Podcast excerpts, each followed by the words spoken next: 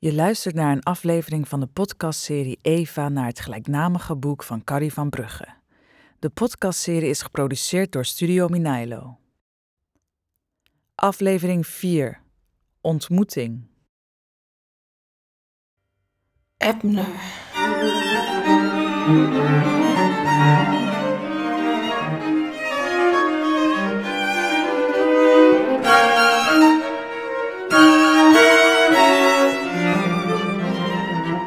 Ebner staat in de deur.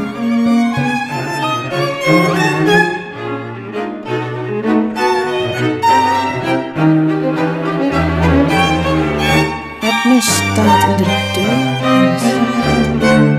en zegt, Wat vroeg je?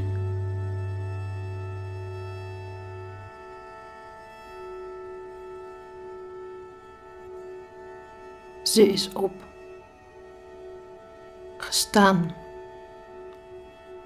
Heeft het boek uit de handen gelegd. En is naar hem toe komen lopen. Samen staan ze nu in de deur. Ze kijken elkaar aan. Ze denken aan het schandaal waarvan de plotselinge openbaring als een oproer, als een koorts door de school is geslagen, die ze allemaal zo heeft beetgegrepen dat ze er de twist om het gezag voor vergeten. Allemaal. Behalve Arjen Brand.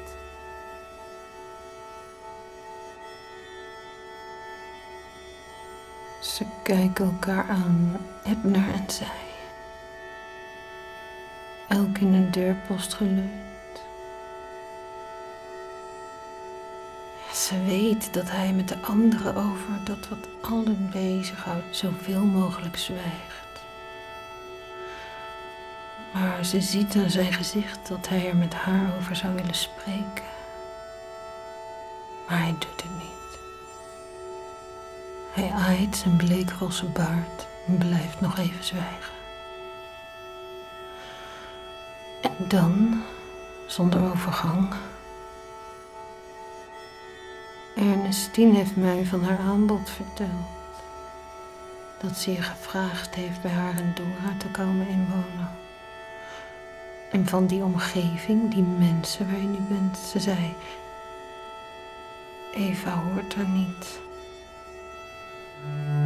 Ik begrijp eigenlijk niet waarom je niet met twee handen hebt aangenomen.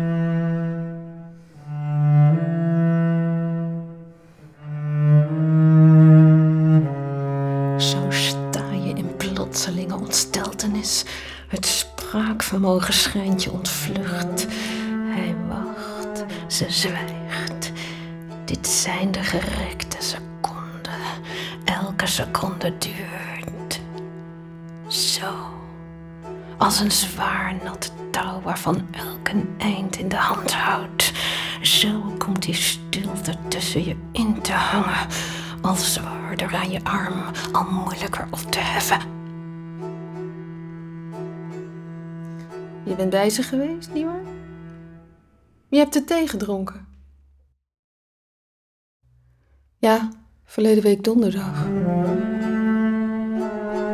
En toch niet kunnen besluiten. Ziet hij het? Raadt hij het?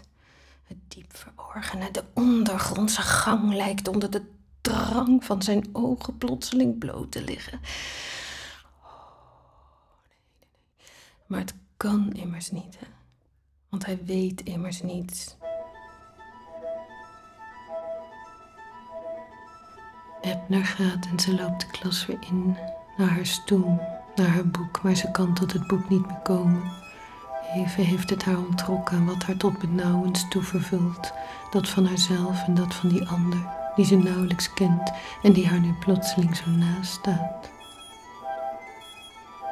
Meneer Brom is het hoofd van de school hier tegenover. Een donker, deftig, ongenaakbaar man.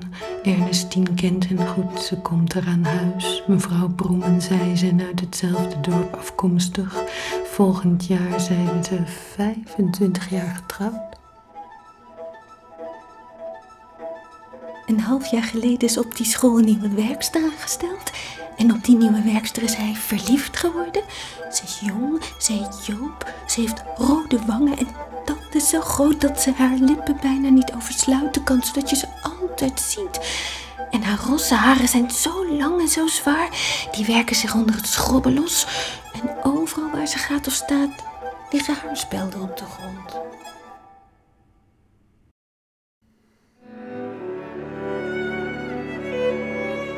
En ze zeggen, ze hebben het zelf gezien op zijn school. Ze zeggen dat meneer Brom die haarspelden opraapte en bij zich stak. Ze zeggen, ze hebben het gezien dat hij met Joop op schoot in het kamertje heeft gezeten. Dat hij Joop heeft gezoend. Ze zeggen dat hij wil gaan scheiden van zijn vrouw en wil gaan trouwen met Joop. Ze zeggen dat ze hem alleen wil zoenen als hij haar geld geeft. Ze koopt daar zijden blouses voor. Met een werkster. Met een vrouw die om geld bij een man op zijn schoot komt zitten. Maar mag je in zo'n gruwel geloven? Ook al wordt het je verteld, moet je niet liever volhouden, zelfs tegen die het zagen, dat ze zich vergissen. Bouk geeft Joop van alles de schuld. Ze moesten zo'n mens, zo'n schepsel, zo'n creatuur opsluiten, moesten ze haar. Slaag moet ze hebben. Mannen zijn niet wijzer, maar een vrouw moet weten dat ze getrouwde mannen met rust heeft te laten. Hebner spreekt er alleen over als hij er niet aan kan ontkomen. Hij zegt: Elk mens moet zijn eigen pakje dragen. Arjen gromt. De hele vent laat mij koud. En jullie allemaal met je geleuter, je oude vrouwenpraat. Jullie hangen me de keel uit. Penning verkondigt. Ik begrijp niet wat jullie toch eigenlijk willen. Kan de man er iets aan doen? Ieder mens is wat hij is. Ieder mens doet wat hij doet. Wat willen jullie dan met je allen van die man? Hij is wat hij moet zijn en hij doet wat hij moet doen. Dat noemt hij determinatie, determinisme. Juffrouw Korf zegt: Brom zit in de macht van de duivel gevangen. De duivel is hem de baas. Penning ertussen. Kunt u mij dan ook zeggen, juffrouw Korf, waar God zich mee bezighoudt in die tussentijd? Korf zegt: Ik praat niet met jullie die overal mee spotten. Jij een cynicus en zij een lichtzinnig kind. En ze loopt driftig weg.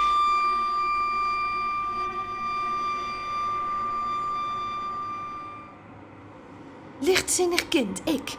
Ik heb niet aan spotten gedacht. Dit is de allerbitterste ernst. Dit is de allergewichtigste vraag. Maar zo juffrouw Korf maakt je duizelig. Hoe kan je de ene dag zeggen hij hoort in de gevangenis en de andere dag hem heeft de duivel beet? Wie over schuld spreekt moet over de duivel zwijgen. Wie met de duivel aankomt heeft afgedaan met schuld. Schuld steekt in jezelf. Ziet ze dat niet in? Hoe leef je met zo'n, in zo'n, in zo'n warboel, zo'n inwendige rommel? Staat weer op van haar tafeltje. Ze gaat naar de deur. Ze luistert, de donzig doorruiste. De wind doorhuiverde stilte in. Strak bespannen met zilveren regenweefsel staat het grote raam, maar het kleine hoekraam is helder, bijna droog. Daar is een kamertje en daar staat hij zelf Wijdbeen staat hij, zijn handen in zijn zakken. En nog altijd, en nu al bijna een week, staat daar dat glas melk. half geleegd en daarna vergeten. Hij, voor wie niemand ordelijk genoeg naar zijn zin kon zijn. Werd hij geroepen? Zo plotseling keerde hij zich, rukte zich af van het raam. Luistert hij of zo in school is gekomen? Joop, met haar grote tanden, haar roze haar, dat zich loswerkt onder het schrobben, waaruit de haarspelden vielen die hij bij zich stak. Oh, verlangen, verlangen, verlangen, verlangen, verlangen, verlangen, verlangen.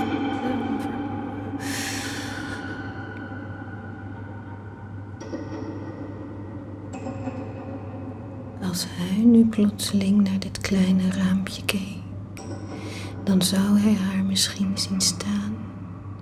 Hun ogen zouden elkaar raken.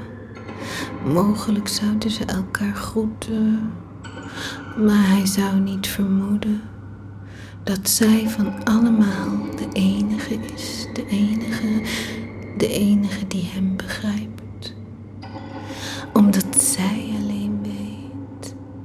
Zij alleen met hem ervaart, ondergaat wat het sterkste is en waaraan je overgeleverd bent.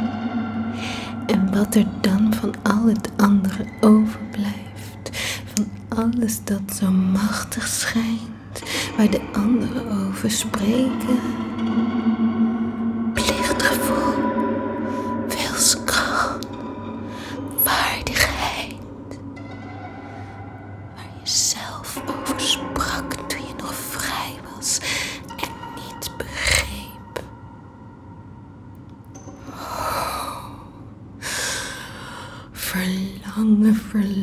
verlangen, verlangen, verlangen, verlangen, verlangen. Onweerstaanbaar en onwaardig. Verlangen, verlangen, verlangen, verlangen, verlangen, verlangen, verlangen. Verlangen,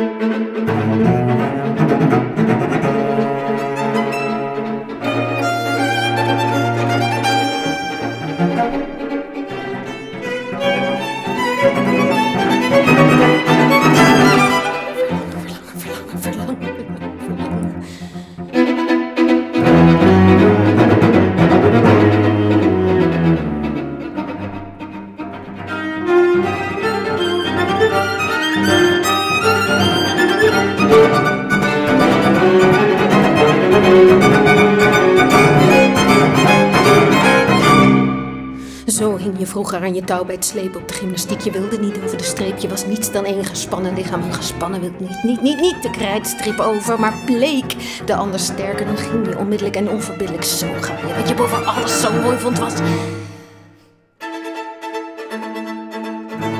Waardigheid. Mooier dan plicht. Waardigheid is enkel van jezelf tot jezelf. Een samenspraak tussen mensen die overeenkomen hoe ze leven zullen. Geen 613 geboden en verboden.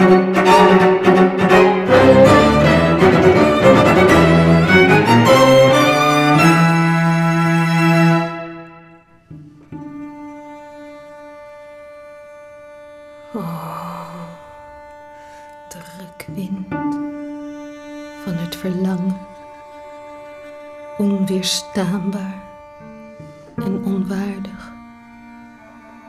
Verlangen. Zo sloeg je. Klompen scheepje. Om. Nee. Je hebt dat nooit kunnen denken.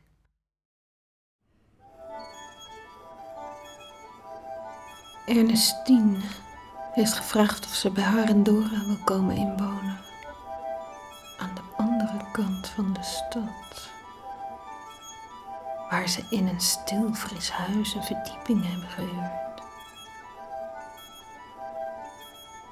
Zij en Dora hoeven niet enkel van wat ze verdienen te leven. Ze hebben geld geërfd. Ze bezitten een piano. eigen meubels.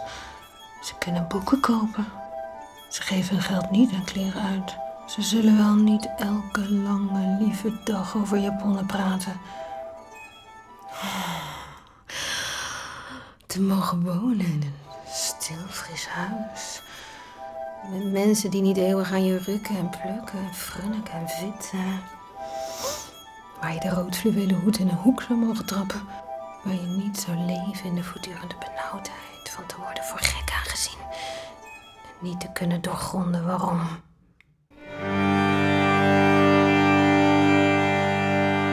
Ernestine is verleden week een avond op bezoek gekomen op Bertha's kamer. Ze dronken thee. Ze zaten met hun vieren om de ronde. Maar het blad van de tafel had een zee, had een ravijn kunnen zijn. Ze zeggen alles verschillend. Ze bedoelen alles verschillend. Ernestine zegt van mensen, het zijn aardige mensen. Ze bedoelt dan hun gedrag. Of je ze kunt vertrouwen. Of ze voor reden vatbaar zijn. Sarah Bertha zeggen, het zijn nette mensen. Ze bedoelen dan een hoede, een japonnen, en huizen. En toen, ineens, daar stond Herman in de deur.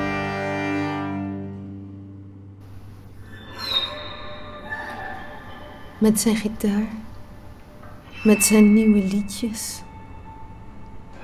Bertha, Saar, Rachel zagen met ogen, zwemmend in aanbidding, alle drie naar hem op.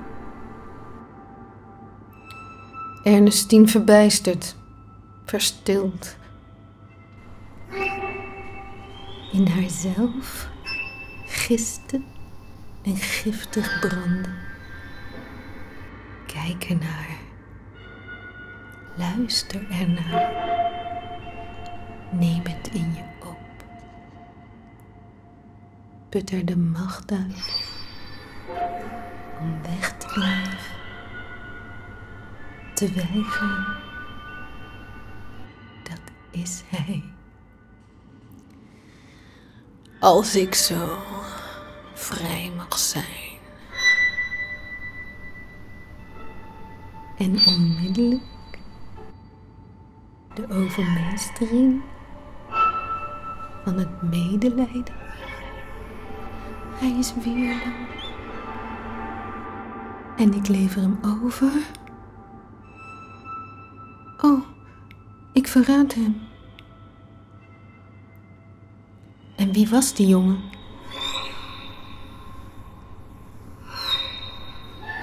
Zijn naam. Een beurjongen. Ze kon toch niet zeggen, die jongen loopt mij fluitend in zijn tuintje. Diezelfde jongen die daar stond van, als ik zo vrij mag zijn.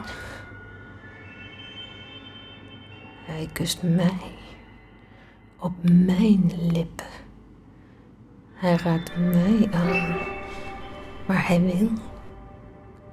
En in mij bonst mijn hart.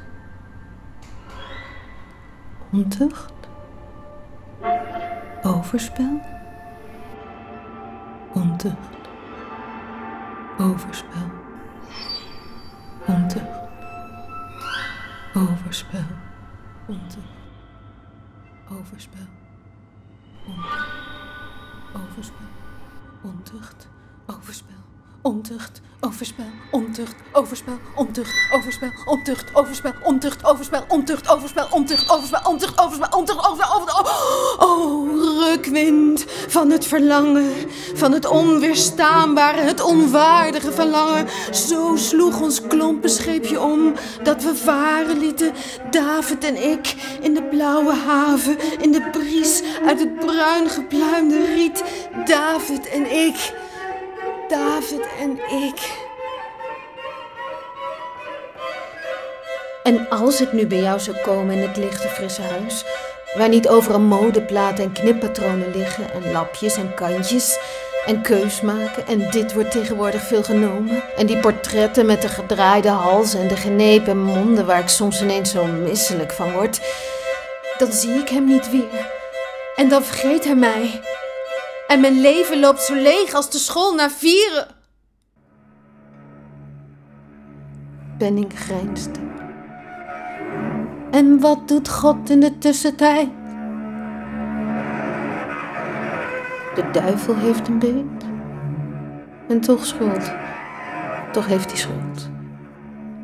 Zijn huis in brand. Zijn vrouw vernietigd. Zijn kinderen van hem weggevlucht. Alles om die Rossieop. Dan moet hem nog nodig schuld bij op de nek worden geladen. Oh, zotheid. Blinde, vrede, zotheid. Maar Benning met zijn determinatie, determinisme. Elk een is wat hij is, elk een doet wat hij doet. Niemand kan anders zijn, kan anders doen. Nee, toch. Het een of het ander. Of wil en schuld. Of willoosheid, schuldeloosheid. Nee. Sta stil. Leun roerloos tegen het regenraam. Sta stil in de stilte en wacht.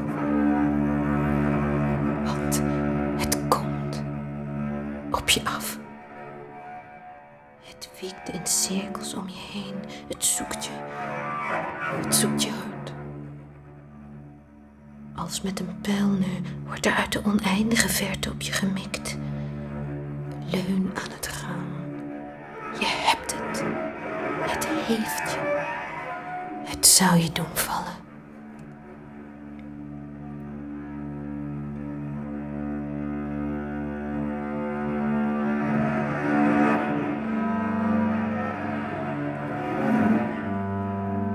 Er is geen schuld.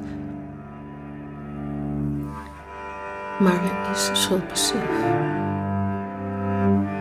Niemand heeft schuld. Maar zonder schuldbesef is iedereen verloren. De pijl heeft mij daar geraakt waar de verborgen scheiding lag. Ik ben als doormidden geklift. Ik ben in tweeën gevangen.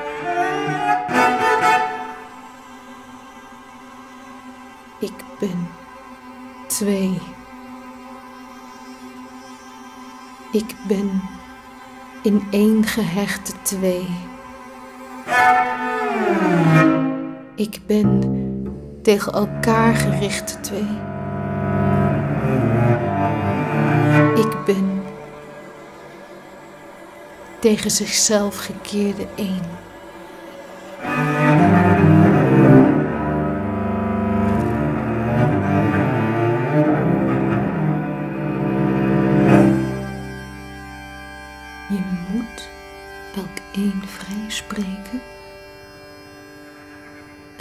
Ook jezelf moet je vrij spreken. Als je niet met een warboel wilt gaan slapen. Als je niet wil stikken in de inwendige rommel. Maar je moet van elke vrijspraak die jezelf betreft een hoger beroep gaan bij jezelf. Bij die andere helft van jezelf. Je moet je laten vonnissen door die andere, die tweede. En aan dat vonnis houd je je staande. En doe je dat niet, dan ben je verloren. Verloren. Verloren.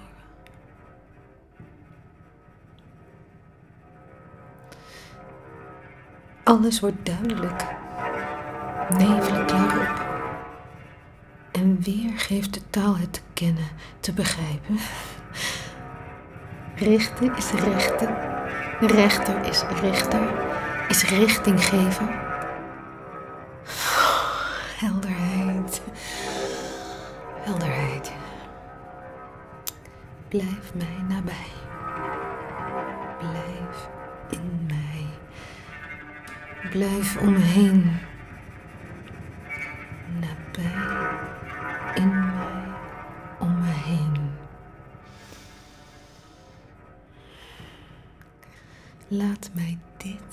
Tot het einde denken.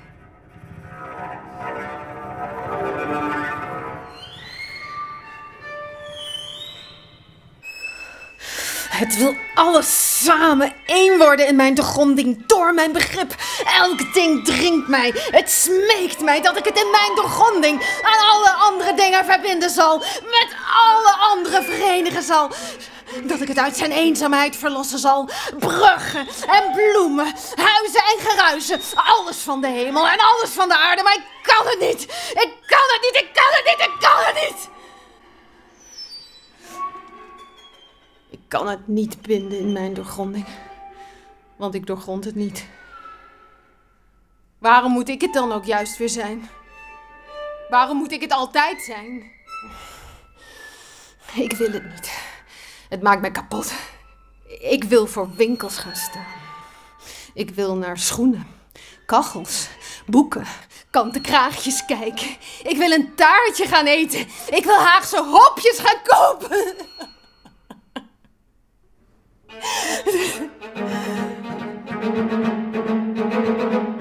Maar ik ga toch ook waarachtig naar een concert? Ik ga voor het eerst naar een concert. Ernestine heeft gezegd: Het is een mooi programma. Maar ik zal er niet alles van begrijpen. Naar het vioolconcert moet ik vooral oplettend luisteren. Een vioolconcert heeft vier gedeelten. Vier gedeelten heeft ook een symfonie. Andante betekent langzaam, presto betekent snel. Ernestine heeft het er maar potlood bij geschreven. Er bestaan ook nog sonaten en suiten. Langzamerhand zal ik het wel leren. Ernestine zei onlangs: Jij lijkt me wel muzikaal.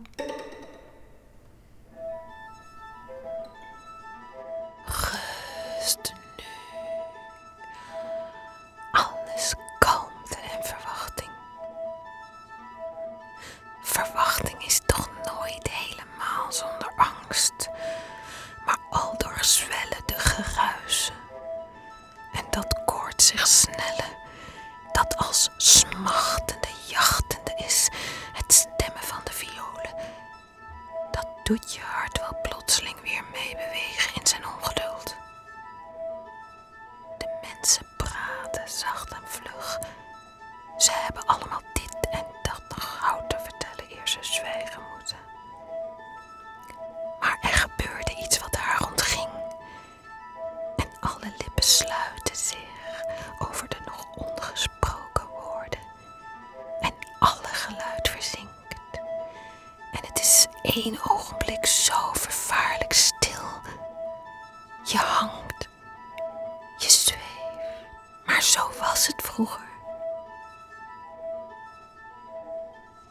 Was het vroeger. De lamp werd aangestoken en de kamer was licht tot in de hoeken. Van dat felle, dat gouden, binnen het lampenglas uit, was de kamer vervuld met iets ineens.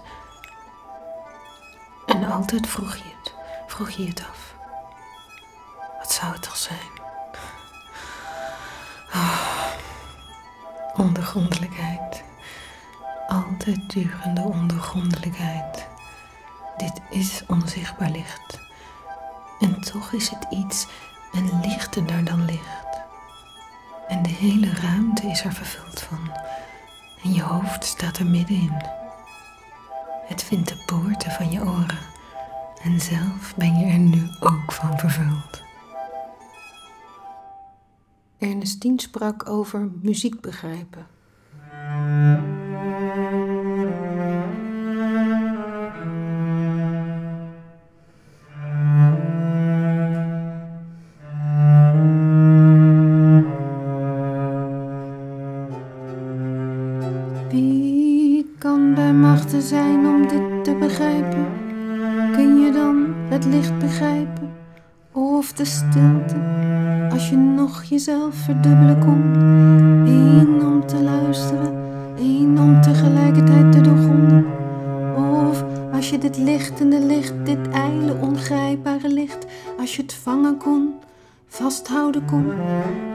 Kunt al reeds luisterend niet denken, denkend niet luisteren.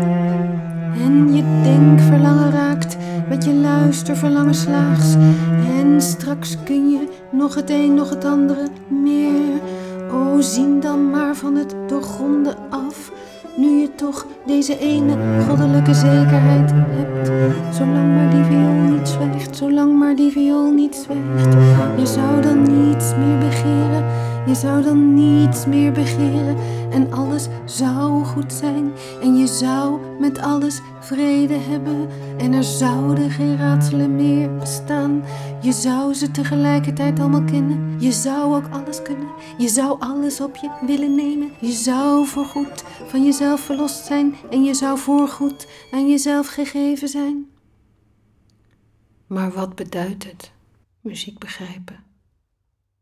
Dat is immers ondergrondelijk. Zolang maar die viool niet zwijgt.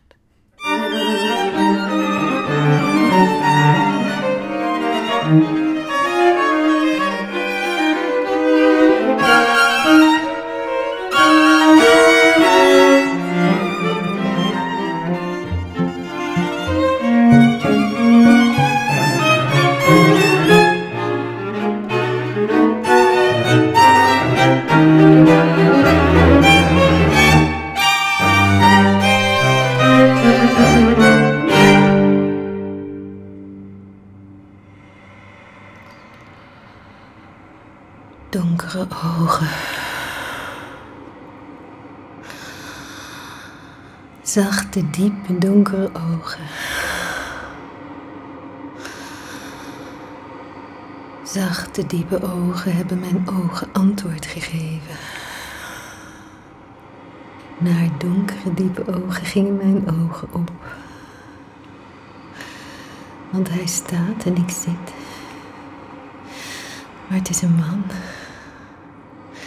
En zelf ben je een meisje. Hij is een man. En je kent hem helemaal niet. Hij is veel ouder dan jezelf. Een deftig heer in grijze kleren. Maar zijn ogen en je eigen ogen. Enkel ogen was hij. Enkel ogen was jezelf. Maar nu is hij een man. Een heer. Die je helemaal niet kent. En zo kijk je toch een vreemde heer niet aan. Het is onfatsoenlijk. Het is ongepast. En het is je geluk dat je maar alleen bent. Maar onze ogen hebben tot elkaar gesproken. En ik was geen meisje en hij was geen man. En we hebben elkaar toevertrouwd wat we beiden weten. Dat muziek ondergrondelijk is. Diepe, zachte ogen, donkere ogen die ik verloor in de mensenvloed. Ik was geen meisje en hij was geen man. Ogen waren we die los van alles en boven alles uit elkaar tegenkwamen als donkere vogels onder een grote geel belopen avondhemel. En zij tweeën alleen, en die het elkaar in volle vertrouwelijkheid toevertrouwden, ondergrondelijkheid van al wat ondergrondelijk is, tezamen en alles is ondergrondelijk. Maar dit rukt je naar de verte, tot de grenzen, zo tot het uiterste kom je nooit, tot de grenzen waar de vergezichten zijn, vergezichten van wat je ik noemt. Ik, ik, ik, ik. Onder het laatste daglicht glanzen de vijvers. Grauw van vocht liggen er de paden omheen gevouwen. En alles is van stilte zo zwaar. Maar hij kijkt op. Hij kijkt het geluid van mijn voeten tegemoet. En het zijn de ogen. Het zijn de donkere, zachte, diepe ogen. We staarden met elkaar dezelfde vergezichten in. En nu, wat zullen we zijn? Zullen we nog eens weer enkel ogen zijn? Of zullen we man en meisje zijn? Zijn we man en meisje? Dan zijn we over een half minuut elkaar voorbij. En mogen zelfs niet naar elkaar omzien, want we kennen elkaar niet. Hij is een vreemd heer voor mij. Ik ben een vreemd meisje voor hem.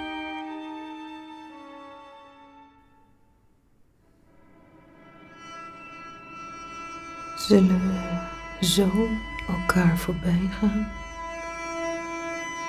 Omdat we immers geen familie zijn, geen vrienden, geen kennissen, elkaars naam niet eens weten, of in welk huis we wonen, niet aan elkaar zijn voorgesteld. Of vogels, twee alleen, elkaar tegenvliegend, in volle vertrouwelijkheid, van alles los, boven alles uit.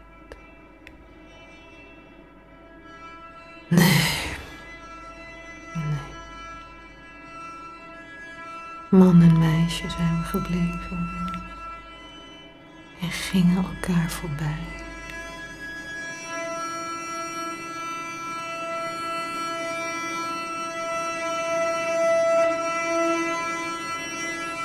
Hmm, maar één ogenblik was er toch. Dat we geen van beiden wisten wat we moesten zijn. Dat we naar elkaar aarzelden. En er spon zich een draad. Maar we trokken. En hij knapte. En elk behield zijn eigen.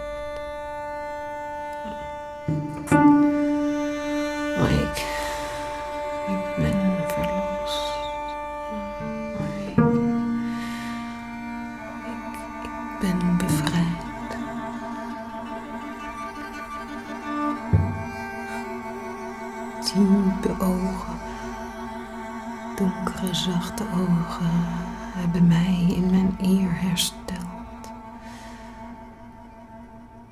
De palen staan er weer. De palen staan er weer in krachtige klemmende aarde. Waardigheid. Ik kan weer waardig zijn. Ik wil waardig zijn. Ik wil weer staan. Van het verlangen onwaardig.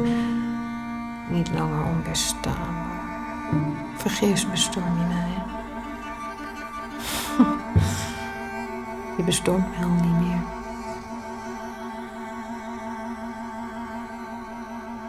Man aan het raam. Oh, rusteloze. Elk ogenblik rustelozer. Onder de wenteling der ogenblikken. Ik ben je lotgenoot niet meer. Ik, laat je los. Ik kan niet meer met je zijn. Arme, ach, arme. Ach, arme. Ik laat je alleen. En Ernestine?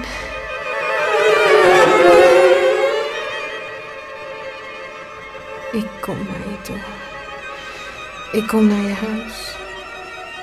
En de dagen zullen niet leeg meer zijn. Zullen niet lang meer zijn. Ik heb het al besloten, Ernestine. Ik kom. Ik kom. Waar die viool. Waar die viool